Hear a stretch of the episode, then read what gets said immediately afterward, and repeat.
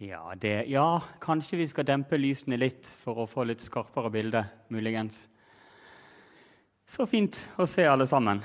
Og takk eh, for at jeg fikk komme og prate med dere i dag om ting som jeg er både glad i og opptatt av.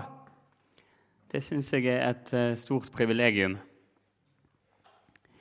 Eh, fra jeg var helt liten så har jeg vært veldig, veldig glad i, i naturen og er fascinert av alt det som kravler og kryper og gror og vokser.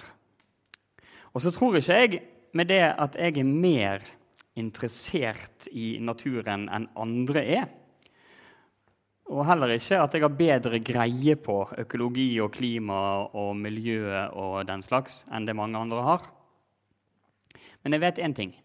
Og det er at troen på Gud og kjærligheten til Bibelen og kjærligheten til naturen passer veldig, veldig fint sammen. Jeg liker både de, de små og store fortellingene i Bibelen. Og så liker jeg de små og store dyrene og vekstene som jeg finner i naturen. Og alle disse fire de forteller meg om Guds storhet og om min plass i skaperverket. Det kommer til å bli en ganske lang rekke med både bilder og tekster å følge med på. Jeg skal prøve å holde tiden til sånn om, omkring tre kvarter, sånn at vi skal klare å være ferdig til klokken åtte. Jeg kan ikke love at jeg får det nøyaktig til. Um, men da har dere i alle fall noe å se på på skjermen hvis det blir for, uh, for vanskelige ord her framme ifra. Um, ja, så Da går vi i gang. Bærekraft i Bibelen. Hvordan utfordrer det oss? Det, det, første jeg må si, tror jeg, det er at gjennom hele dette, dette foredraget her, så skal vi tenke både lokalt, sånn som vi gjør her hjemme som nordmenn i Norge, i våre hus og stuer. Men vi skal òg tenke eh, globalt. Vi skal tenke hele jorden som menneskehetens og vårt eh, hjem. I en, en, stadig mer globalisert verden så må vi eh, forholde oss til at de valgene som vi tar her hjemme, de påvirker noen andre et helt annet sted. Sånn er det. Dette spørsmålet i overskriften det åpner opp for minst to nye spørsmål som vi må reflektere litt rundt før vi i det hele tatt kan komme skikkelig i gang. Og Det første er hva menes med ordet bærekraft? Og Det skal jeg si litt om. Og Det andre er hva har Bibelen å si om den saken? Og Det skal jeg si ganske mye mer om. Så det første først. Hva menes med bærekraft? Og Så finner vi fram en definisjon som er hentet fra Store norske leksikon og ble oppdatert for bare noen få dager siden. Og Den sier sånn som dette her. Bærekraft. På engelsk så brukes ordet 'sustainability'. Det er et ord som i dag vanligvis betyr at noe passer med idealet om bærekraftig utvikling. En bærekraftig utvikling vil si en utvikling som um, tilfredsstiller behovene til menneskene som lever nå, uten å ødelegge fremtidige generasjoners mulighet til å tilfredsstille sine behov. Og Diskusjoner om bærekraft dreier seg særlig om å bekjempe miljøproblemer, fattigdom og nød. Og så er de gjerne inspirert av FNs bærekraftsmål. Så det er dette vi snakker om når vi snakker om bærekraft. Vi snakker ikke om styrken vår til å løfte noe, um, men vi snakker om jordens evne til å um, bære vårt forbruk og regenerere seg. Kan du dyrke noe ett år som du også kan dyrke året etterpå? Kan du høste opp uh, olje fra uh, Nordsjøen som du også kan høste opp etterpå? Det er sånne spørsmål. Og så skjønner vi at noe går, noe går ikke. Um, og Så står det om FNs bærekraftsmål. Vi tar de veldig kjapt. Det er 17 kjappe mål. De er jo selvfølgelig ganske store, men vi leser de i full eh, raskhet. Disse bærekraftmålene til FN handler om å 1. utrydde fattigdom, utrydde sult, sikre god helse og livskvalitet, igjen på et globalt eh, nivå, sikre god utdanning, likestilling mellom kjønn, rent vann og gode sanitærforhold til alle, ren energi til alle, anstendig arbeid og økonomisk vekst, bærekraftig industri, innovasjon og infrastruktur, mindre ulikhet mellom både folk og land, bærekraftige byer og lokalsamfunn. Eh, det skal jobbes for ansvarlig forbruk og produksjon, stoppe klimaendringene. Og så nummer 14 har jeg litt lengre tekst enn det som står der. Bevare og bruke hav og marine ressurser på en måte som fremmer bærekraftig utvikling. Og nummer 15 beskytte, gjenopprette og fremme bærekraftig bruk av økosystemer, sikre bærekraftig skogsforvaltning, bekjempe ørkenspredning, stanse og reversere landforringelse samt stanse tap av artsmangfold. Det er voldsomme greier. Og nummer 16. Fred, rettferdighet og velfungerende institusjoner. Og det siste bærekraftsmålet det handler rett og slett om å styrke samarbeidet mellom landene, sånn at det er mulig å nå noen av alle de andre. Det er jo en, en voldsom ambisiøs liste. Men hvis vi tenker bærekraft, at måten vi lever på i dag, skal fungere eller bli bedre i morgen, da blir disse spørsmålene relevante. De blir fryktelig, fryktelig relevante. Så der har vi litt av utfordringene vi står overfor. Da. Så hva har Bibelen å si om dette? Og åssen skal vi som er kristne, forholde oss til det? Og Da skal vi starte med Jesus. Og Så skal vi gå tilbake til Gamle testamentet. Og så skal vi bevege oss fram og så ende opp i Johannes' åpenbaring. Så det blir, det blir rekkefølgen på ting. Jesus han vokste opp i et jordbrukssamfunn.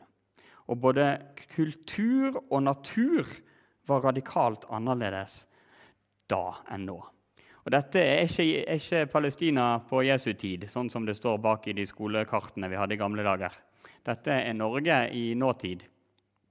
Ja, jeg fant jo, Det var fryktelig vanskelig å finne gode bilder og gode kart. Jeg skulle gjerne hatt et verdenskart, men jeg fant da Norge fra 1900 fram til 2018. Og det vi ser her, det er da villmarkspregede naturområder. Og åssen det har forandret seg på bare 100 år.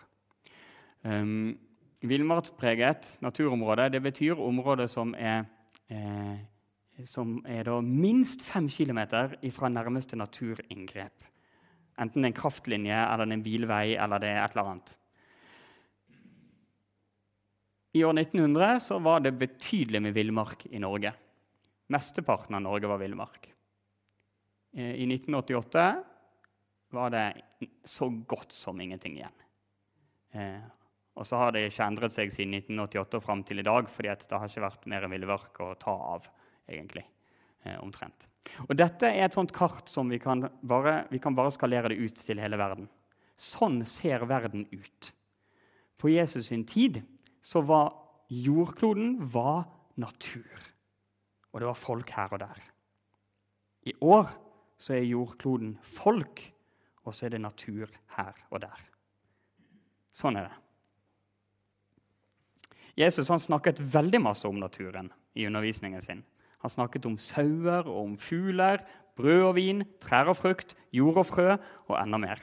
Og I Lukasevangeliet så leser vi Han sa til disiplene.: Derfor sier jeg dere, Vær ikke bekymret for livet, hva dere skal spise, eller for kroppen, hva dere skal kle dere med.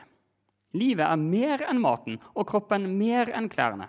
Se på ravnene. De sår ikke og høster ikke. De har verken matbod eller låve, men Gud gir dem føde likevel. Hvor mye mer verdt er ikke dere enn fuglene? Hvem av dere kan vel med all sin bekymring legge én alen til sin livslengde?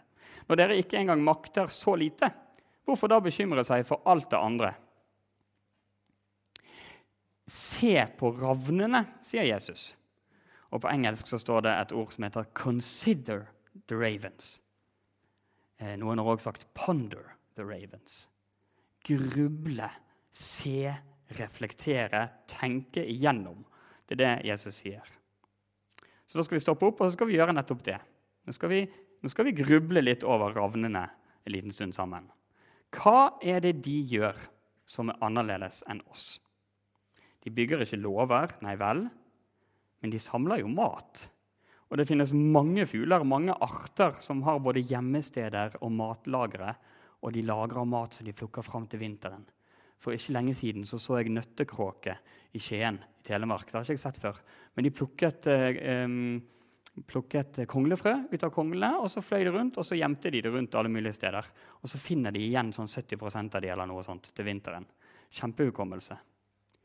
Um, det ser ut som om de bruker massevis av tid nettopp på å planlegge og samle mat.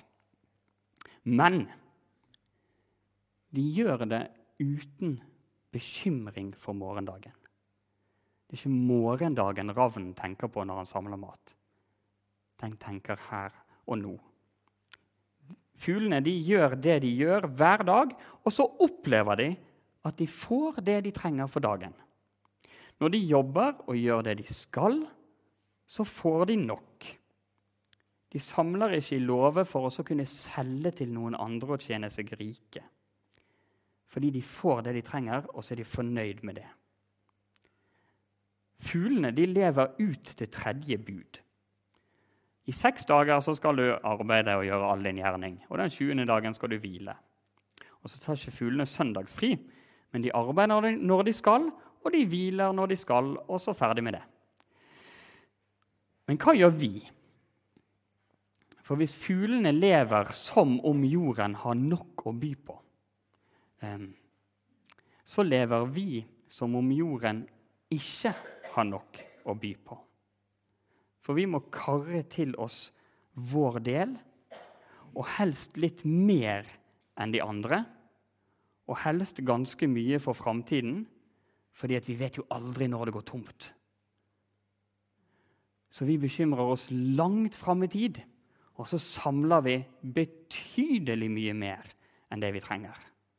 Og det er jo derfor vi kaster mat fra kjøleskapene våre.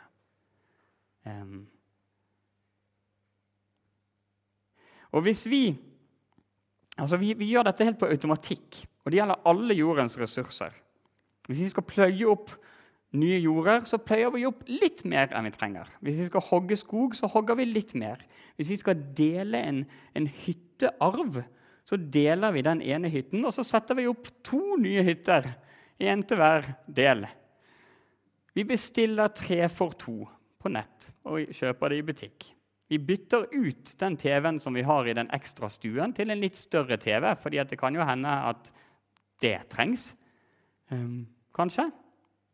Så hvis vi har gitt ravner dårlig rykte, så er det bare fordi vi syns at vi kjenner oss igjen i det som vi misforstår som grådighet hos ravnene. For sannheten er at ravnene de stjeler ikke som ravner. De bare tar det de skal ha, de, fra time til time. Det er vi som gjør det. Vi stjeler som ravner. Ravnene de rydder opp. De er renovasjonsvesen i naturen. Og vi er forsøplere. Se på ravnene, sier Jesus. Gruble litt på de og lære av de. Og Så ber Jesus oss om Oi, jeg skulle hatt det bildet hele tiden. Jeg, det glemte jeg. Ja, ja. Så ber Jesus om, om å se på blomstene. Se på liljene, hvordan de vokser. De strever ikke og spinner ikke. Men jeg sier dere, selv ikke Salomo i all sin prakt var kledd som en av dem. Når Gud kler gresset så fint, det som gror på bakken i dag og kastes i ovnen i morgen, hvor mye mer skal han ikke da kle dere? dere lite troende. Tenk ikke på hvordan dere skal få noe å spise og drikke, og vær ikke engstelige. Alt dette er jo hedningene i verden opptatt av. Men dere har en far som vet at dere trenger dette. Søk i stedet Hans rike, så skal dere få dette i tillegg. Vær ikke redd, du lille flokk, for det er deres fars gode vilje å gi dere rike. Vi må snakke litt om klær. Um, omkring 3% av verdens klimautslipp det kommer fra flytrafikken. Sånn omtrentlig. Og det snakkes mye om. Og 3% er en hel del i, i det store bildet. Så det er jo en, bare en liten 3% men det er nok til at det kan vippe, vippe noen um, uh, vippe noen vektskåler som ikke burde vært vippet. Um, og så går det an å snakke om, om, klimautslipp og sånn i samtalerunden etterpå. Jeg skal ikke bruke så mye tid på akkurat det nå, men eh, jeg legger til grunn at, eh, at 95% av alle verdens klimaforskere har gode analyser, og at klimagass og klimaforandring er et kjempeproblem. Så vi har nok bikket grensen for å klare å holde en global oppvarming til under 1,5 grad. Global oppvarming. Det målet det er ikke mulig å, å, reversere. Og nå, etter krigen i Ukraina, så er det nok fullstendig umulig å klare å holde seg under to grader, kanskje, i løpet av noen år fram i tid. Selv om det kan oppleves lenge til, så er ikke det så lenge i den store sammenhengen. Det kommer til å få katastrofale følger. Og allerede i år så har vi opplevd en hel massevis av problemer som direkte skyldes at klimaet eh, forandrer seg. Eh, vi kan lese litt nyheter, og så, og så, finner vi ut av det. Så flytrafikken den er altså bare 3% Men omkring 10% av klimautslippet det kommer fra tekstilindustrien. Det er et kjempehøyt tall. Um, og da er ikke forurensningen som følge av tekstilindustrien tatt med. Um, som, som, skadelige utslipp, gift, som slippes ut i bakken eller i elver. Og I det regnestykket så er heller ikke det med at for hvert eneste dekar med unødvendig bomull som dyrkes, så kunne det vært dyrket nødvendig mat. For det er ikke mangel på bomull i verden, men det er mangel på mat i verden. Det har vi òg hørt en hel del snakk om. Vi som er nordmenn, vi kjøper mer enn 13 kilo klær i året. Um, og det var det laveste tallet som jeg fant. Uh, vanskelig å finne skikkelig forskning på det. Men uh, minimum 13 kilo kjøper vi i året. Men vi kvitter oss òg med mer enn 13 kilo klær i året. Det kan jo tenkes at klærne burde holde mer enn ett år. En gjennomsnittlig nordmann har omkring 400 klesplagg i skapet sitt. Det er ganske voldsomt. Så hvis du er godt under snittet, så er det noen som har betydelig mer enn det igjen. selvfølgelig. Mindre enn en fjerdedel av disse kles, klesplaggene brukes. Så den resterende fjerdedelen den brukes ikke opp før den kastes eller byttes ut. Det er noe som er galt. Og så har jeg en helt vanlig bomulls-T-skjorte på meg den kreves det 2700 liter vann for å produsere, pluss et vannglass med giftige kjemikalier for å lage én sånn T-skjorte som dette. Til sammenligning så trengs det 250 liter vann for å produsere 1 kilo med poteter. Um. Buksen som jeg har på meg, bomullsdongeribukse, den er mye verre. Den krever ti ganger så mye vann å lage denne som å lage denne her. Og så må jo jeg ha klær, ikke sant? Og jeg har ikke peiling på hvor, kom, hvor de kommer fra. Eh, jeg har ikke noen mulighet til å undersøke det for nøye heller. Um, uten at livet bare blir veldig, veldig rart og vanskelig. For vi trenger klær. Absolutt. Og det er greit. Men vi trenger ikke det enorme overforbruket som vi i Vesten har. Den vestlige verden importerer enorme mengder med, med lavkvalitetsklær. Mesteparten av lavkvalitetsklærne de kommer ikke opp til Norge, for vi har lyst til å ha det litt mer ordentlig. Men det finnes noen billigkjeder her òg som har det litt sånn dårlig. Men utover i Europa og store områder i USA klær i vanvittige mengder til utrolig dårlig kvalitet. Så i andre enden da får vi en søppelproblematikk som er ekstrem. Se på blomstene, sier Jesus. Du har klær. Kjøp noe nytt når du har bruk for det. Kanskje vi kan kjøpe færre plagg av bedre kvalitet, og så kan vi bruke det litt lengre. Men slutt å bekymre deg for om, om det du har, eller om du er bra nok. Du er bra nok. Livet er mer enn klærne, sier Jesus. Du er mer verdt enn det du kjøper. Det høres ut som om, om Jesus tenker at jorden har nok å by på. Når Jesus snakker, der han sier at, at dere skal jo få det dere trenger, bare gjør det dere skal for dagen, så kommer du til å ha nok. Da virker det som om Jesus tenker at vi lever i en verden der det er overflod, og der det er nok. Og Så kan vi se rundt oss, og nå er det høster, så det er litt feil årstid. Men vi kan allikevel fremdeles se rundt oss åssen ting vokser og gror. Er det ikke rikelig på denne jorden vår? Så hvor kan Jesus ha fått den tanken fra, tro? At vi lever på en jordklode der det kommer ting opp fra bakken som gir oss det vi trenger. For sånn tenker Jesus. Og så er det vi andre som ikke tenker sånn. Vi er heller vant til å tenke som om at det ikke er nok. Så vi blar opp på den aller første siden i Bibelen, og så begynner vi med begynnelsen. I begynnelsen skapte Gud himmelen og jorden. I begynnelsen, en gang før, så skapte Gud himmelen, det som er der oppe, og jorden, det som er der nede. Det himmelske og det jordiske. Og, så, og så former Gud og plasserer og deler opp og lar det bli lys og vann og hav Grønne planter gror fram, fugler begynner å fly på himmelen. Store ting skjer. Og så sier Gud Gud sa, la oss lage mennesker i vårt bilde, så de ligner oss. De skal råde over fiskene i havet og fuglene under himmelen, over fe og alle ville dyr og alt krype som det kryrer på jorden. Og Gud skapte mennesket i sitt bilde. I Guds bilde skapte han det, som mann og kvinne skapte han dem ordet for råde. Det heter hebra, på hebraisk så heter det rada.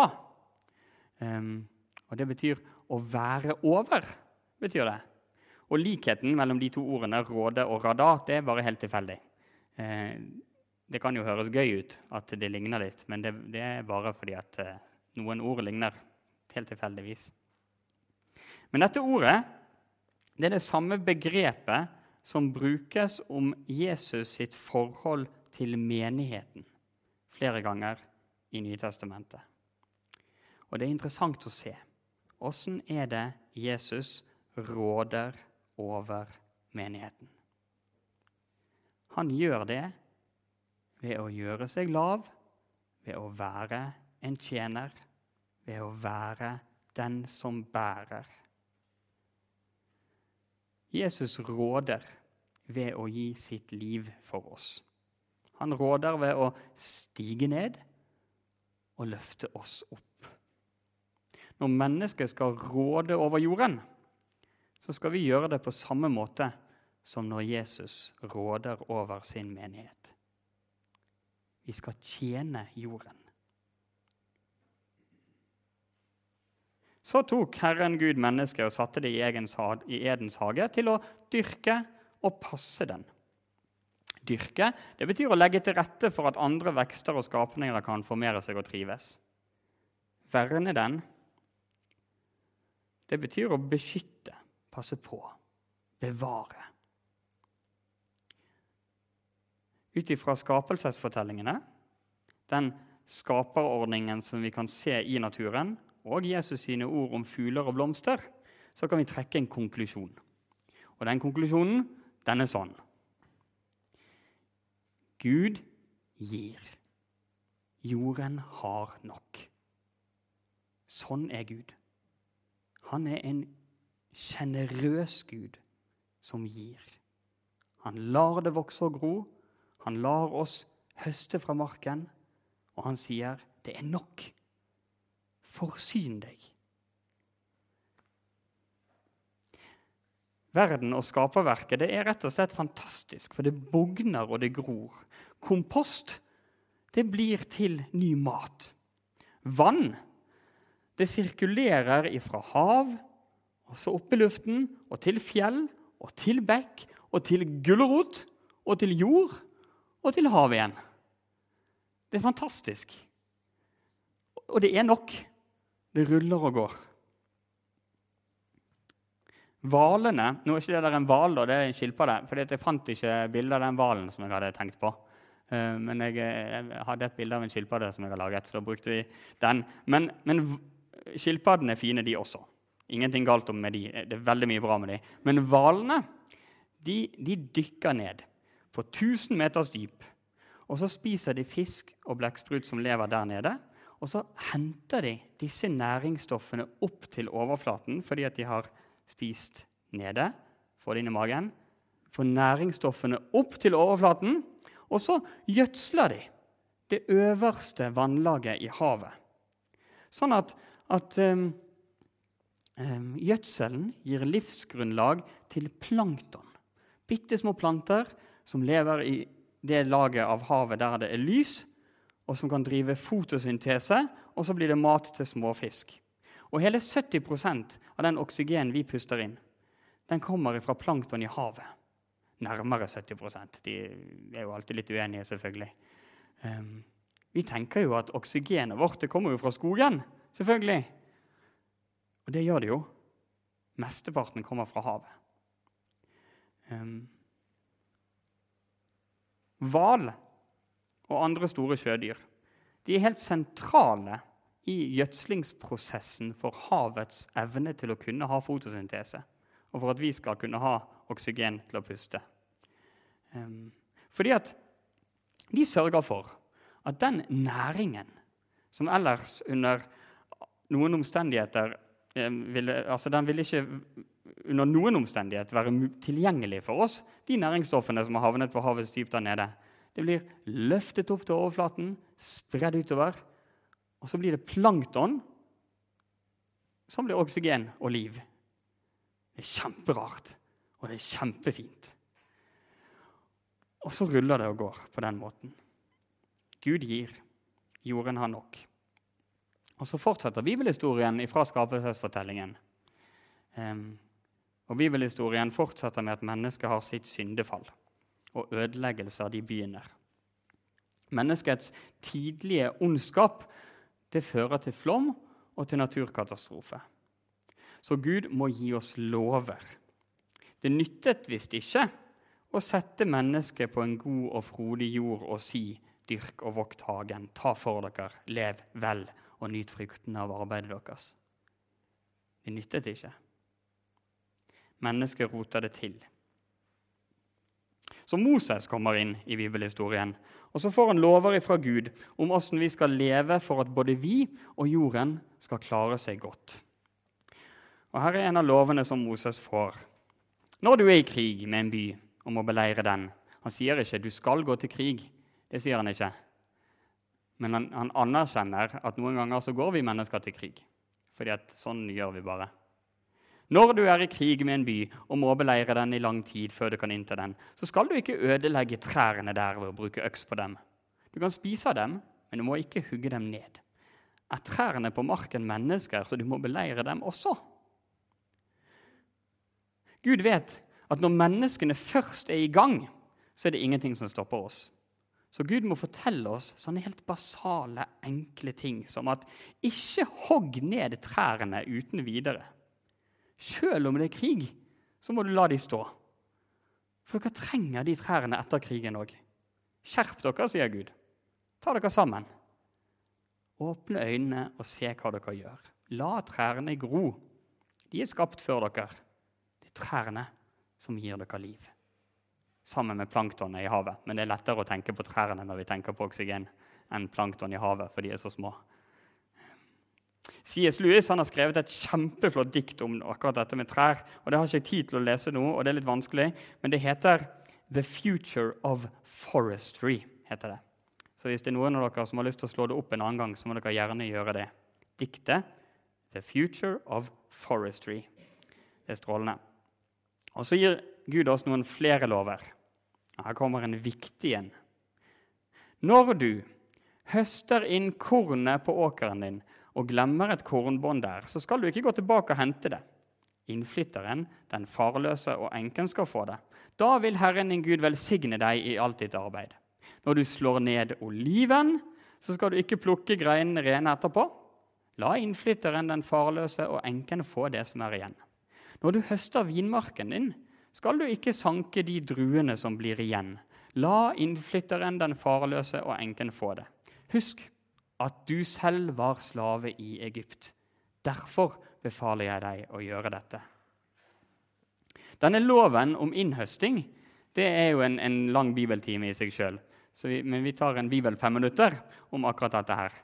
Og så er det eh, tre eh, ting som vi skal, eh, kan legge merke til. Det første det er at vi ser at det er nevnt tre råvarer. Korn, oliven og druer. Og Disse går igjen i Bibelen mange mange, mange ganger. Og det er slett ikke tilfeldig i det hele tatt. For hvis du har disse tre basisvarene tilgjengelige, så klarer du deg helt fint i livet. Korn og olje det gir brød. Druer det gir verdifulle vitaminer og mineraler. Pluss at druer er fulle av antioksidanter, og så sier de at det hjelper mot demens. Og det er jo fint. Um, du kan overleve helt fint hvis du har disse eh, tre råvarene her. Dette er råvarer til hverdagen. Dette er til de seks dagene i uken hvor du skal arbeide. Men i Bibelen og i bibelsk kultur så er dette de samme råvarene. De, de er råvarer til fest også.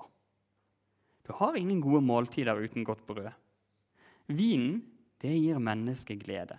Og det er et enormt symbol i Bibelen på overflod, høytid, velsignelse, etter hvert òg til og med frelse.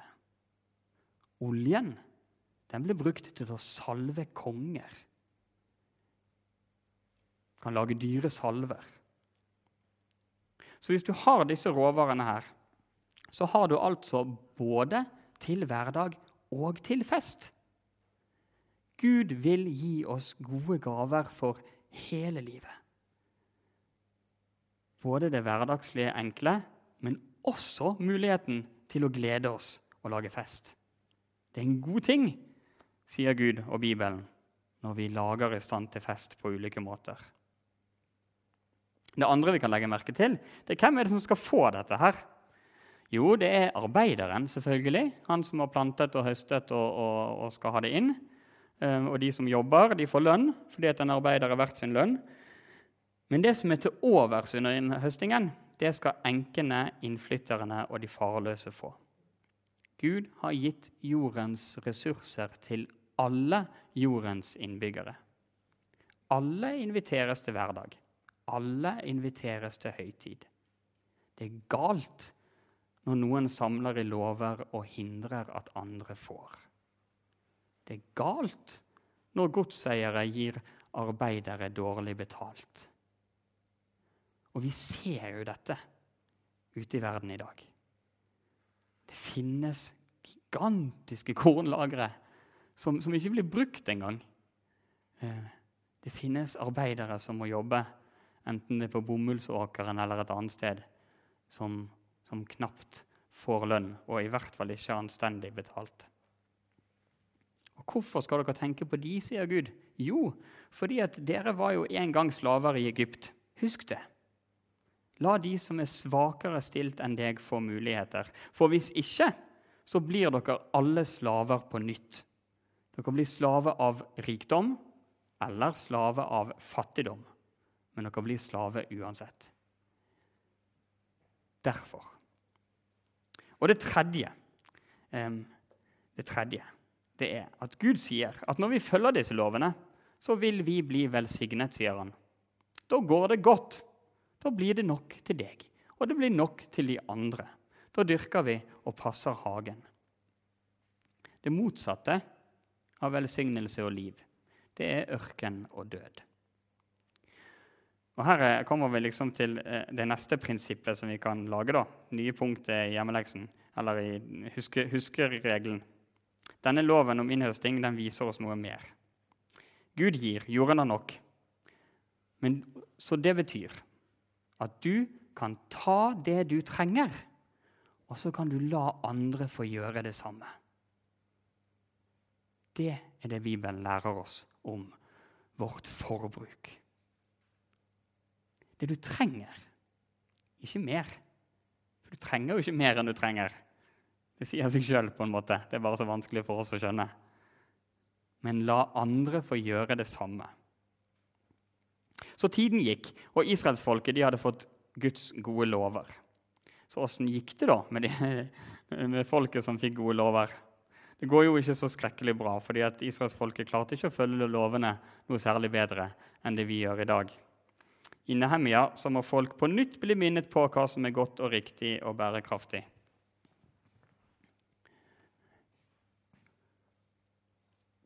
Når folkene i landet kommer med varer eller korn av alle slag for å selge på sabbaten, så skal ikke vi kjøpe av dem, verken på sabbaten eller på andre hellige dager. Hvert 20. år skal vi la jorden ligge brakk og ettergi all gjeld, står det i Nehemia.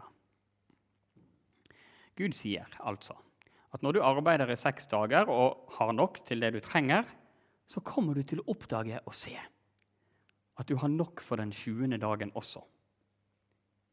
Men vi arbeider som om vi må spare opp til de 52 eh, frisøndagene og mer til på forhånd. Men så sa Jesus at vi skal ikke samle skatter på jorden, sa Jesus. Selv det du eier, og gi det til de fattige, sa Jesus. Men det er ingen av oss som gjør det. Vi er mestere i å bortforklare det mesteren prøver å forklare oss.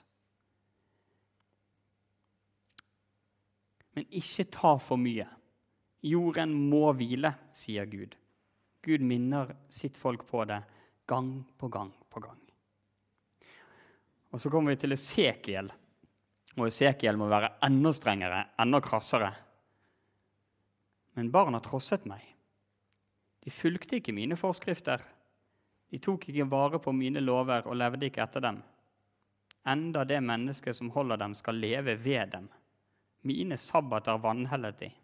Da sa jeg at jeg ville øse ut min harme over dem og bruke opp min vrede på dem i ørkenen. For rovdriften på naturen, den fører til ørken. Bibelen har alltid fortalt historien om at rovdrift på natur fører til ørkenvandring og til ørkenspredning.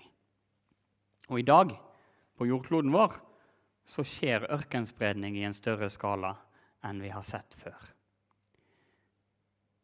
Det er allerede hogd ned nok skog i verden til at vi har nok landareal til å dyrke den maten vi trenger.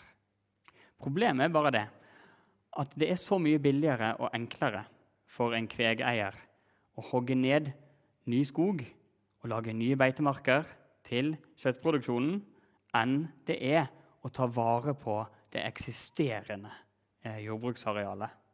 Fordi det må, det må både, det må både eh, pløyes og gjødsles, og så har vi brukt så mange sprøytevernmidler og plantevernmidler at, at både eh, naturlig dyreliv og struktur er ødelagt, sånn at du, på en måte, du må gå videre.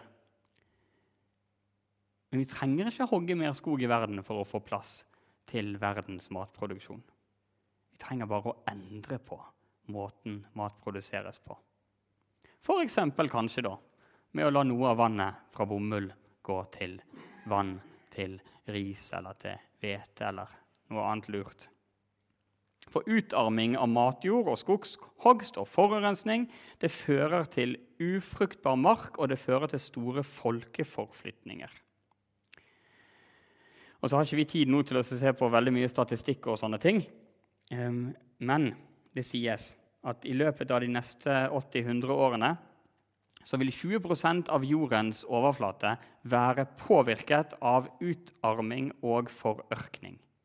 Noe vil være utarmet.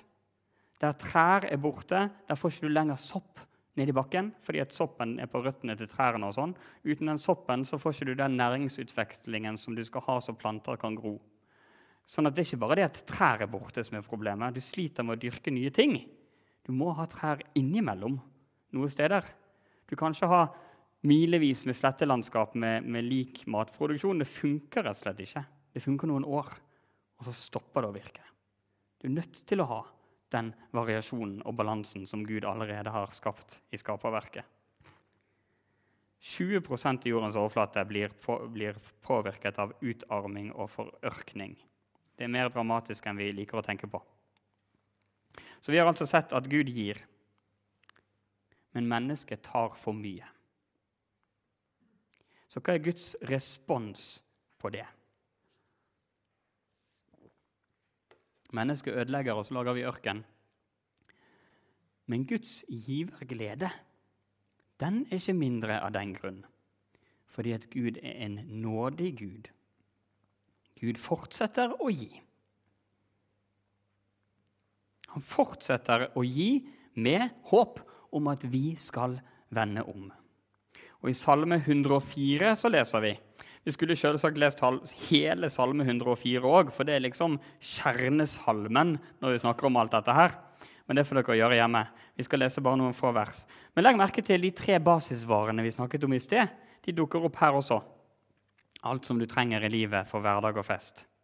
I Salme 104 så står det om Gud, hvem Gud er i vår verden. Han vanner fjellene fra sin høye sal. Jorden mettes med frukten av din gjerning. Du lar gresset spire fram for feet og vekster til nytte for mennesket. Du lar brødet komme fra jorden, og vin gir mennesket glede. Du lar ansiktet skinne av olje. Brødet gir mennesket styrke. Gud er en Gud som gir. Selv om vi ødelegger, så fortsetter han. Den. Han klarer ikke å la være. Ting skjer, ting gror. Vi får muligheten til å, å, å dyrke på nytt. Fortsette. Gjøre det litt bedre. Hvis vi har hogget ned for mye et sted, så kan vi plante på nytt. Vi kan det. Fordi Gud, Gud gir vann. Og så står det eh, fordi at når vi, når vi, leser sånne ting, og så kan vi be om godt vær, og så kan vi håpe på mat, og så kan vi stemme i med Salme 145 i en lovprisning. Alles øyne venter på deg, og du gir dem mat i rett tid. Mennesket tar for mye, men Gud er en glad giver. Og det er det som gir oss håp. Vi mennesker vi ødelegger så enormt mye på denne verdifulle jordkloden vår. Men på samme måte som at Gud har vært trofast før, så vil han være trofast igjen.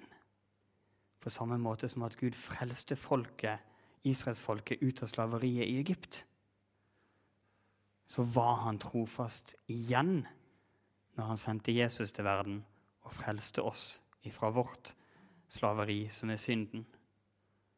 På samme måte som Gud var trofast da, så kommer Gud til å være trofast senere også. Fordi at vi har noe i vente. Verden stopper jo ikke med at, at vi er her i dag, og så kan vi se at noe går til grunne, og noe får lov til å vokse opp og bli litt bedre. Men vi har noe i vente. Og dette vente, det er ikke det bare vi som venter på. Og Paulus han skriver jeg mener at det vi må lide i den tiden som nå er, ikke kan regnes for noe mot den herligheten som en gang skal åpenbares og bli vår. For det skapte venter med lengsel for at Guds barn skal åpenbares i herlighet. Det skapte ble underlagt forgjengeligheten, ikke frivillig, men fordi han ville det slik. Likevel var det håp for også det skapte skal bli frigjort fra slaveriet under forgjengeligheten og få den frihet som Guds barn skal eie i herligheten. Vi vet at helt til denne dag sukker og stønner alt det skapte samstemt som i fødselsrier. Når vi ser naturen som lider et eller annet sted, da er det dette vi ser. Paulus, som ikke hadde sett så langt fram i tid, helt fram til vår tid, men allerede den gangen så skjønte Paulus at hvis mennesket fortsetter sånn, som det bulldoseren som Romerriket var, så blir det bare verre. Skaperverket lider. menneskene med. Men, men. For vi kan vente med lengsel, men så vet vi at vi venter på noe godt. For Gud har ikke glemt sitt folk. Vi kommer til avslutningen av Bibelen, hvor vi leser. Og jeg så en ny himmel og en ny jord. For den første himmel og den første jord var borte, og havet fantes ikke mer. Og jeg så den hellige byen, det nye Jerusalem, stige ned fra himmelen, fra Gud, gjort i stand og pyntet som en brud for sin brudgom. Og jeg hørte fra tronen en høy røst som sa, Se, Guds bolig er hos menneskene. Han skal bo hos dem, og de skal være hans folk. Og Gud selv skal være hos dem. Han skal være deres Gud. Han som sitter på tronen, sa, Se, jeg gjør alle ting nye. Og han la til, Skriv det ned, for dette er troverdige og sanne ord. Trær som har blitt hogget, skal få vokse opp. Dyr som er utdødd, skal sikkert få lov til å komme fram igjen, de også. Hva vet jeg?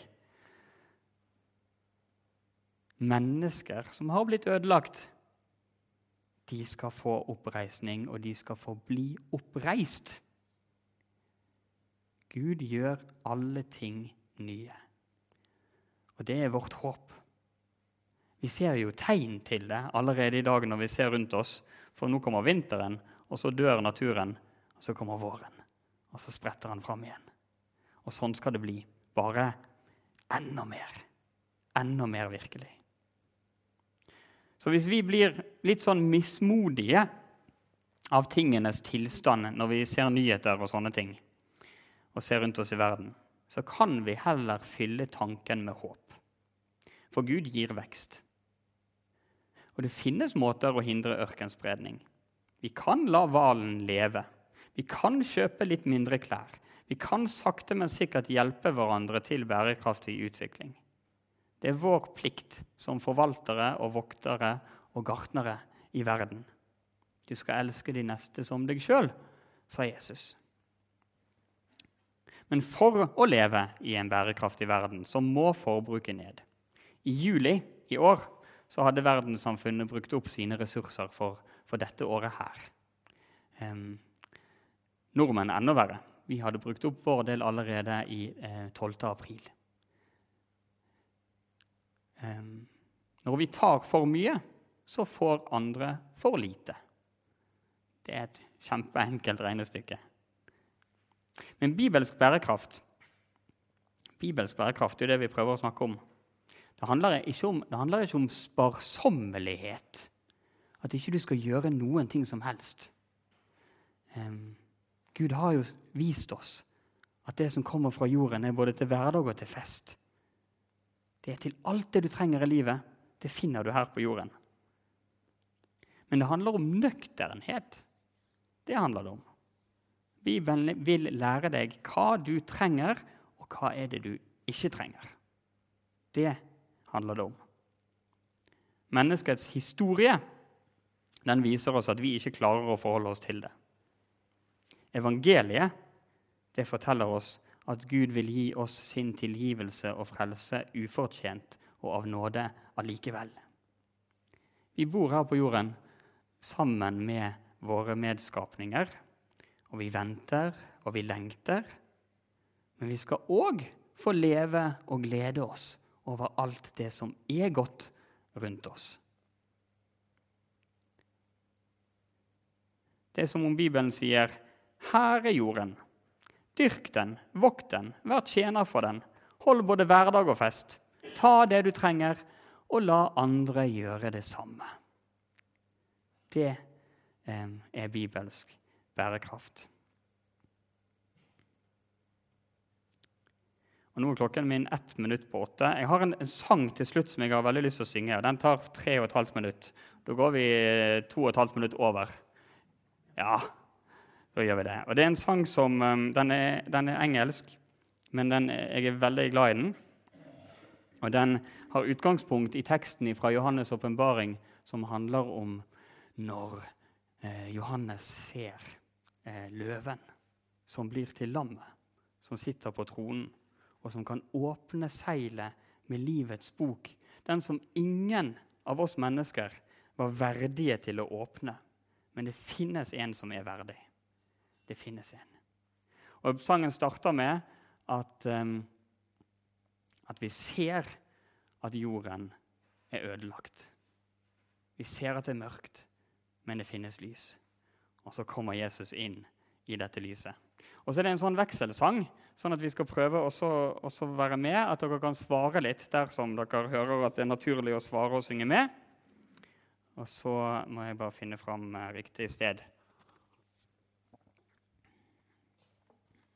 Jeg skulle hatt oversatt eh, denne sangen her vet du, til norsk, men det har ikke jeg eh, rukket å gjøre ennå.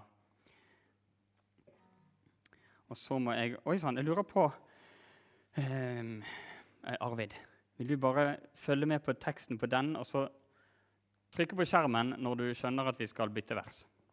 Mm. Ja. Ett trykk på skjermen når, du, når vi liksom har sunget ferdig, da.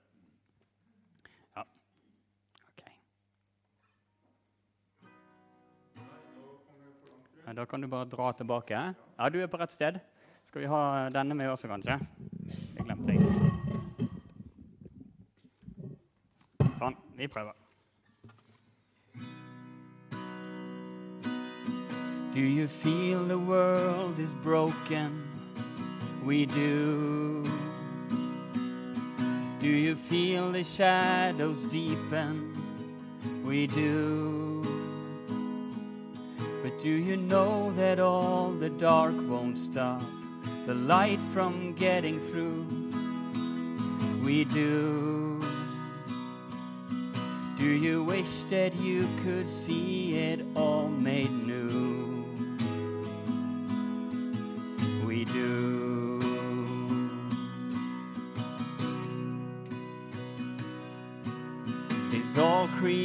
Creation groaning? It is, is a new creation coming. It is, is the glory of the Lord to be the light within our midst. It is,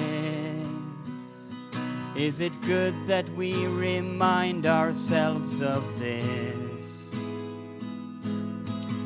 It is.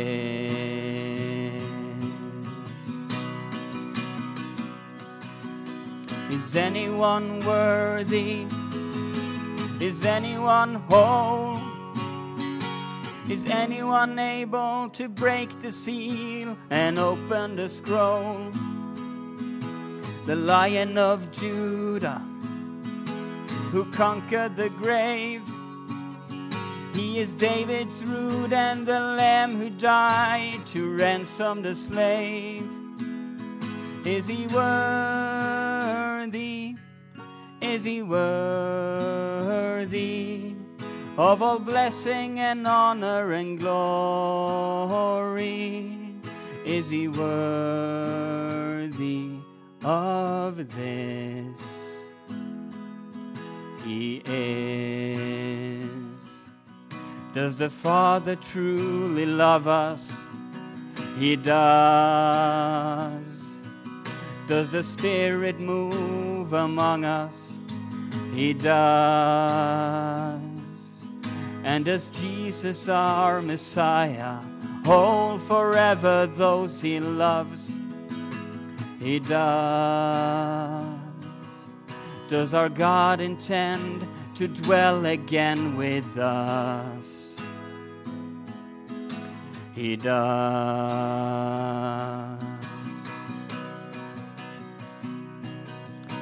Is anyone worthy? Is anyone whole? Is anyone able to break the seal and open the scroll? The Lion of Judah, who conquered the grave. He is David's root and the Lamb who died to ransom the slave from every people and tribe, every nation and tongue. He has made us a kingdom and priest to God to reign with the Son. Is he worthy? Is he worthy of all blessing and honor and glory? Is he worthy? Is he worthy? Is he worthy of this? He is. Is he worthy? Is he worthy?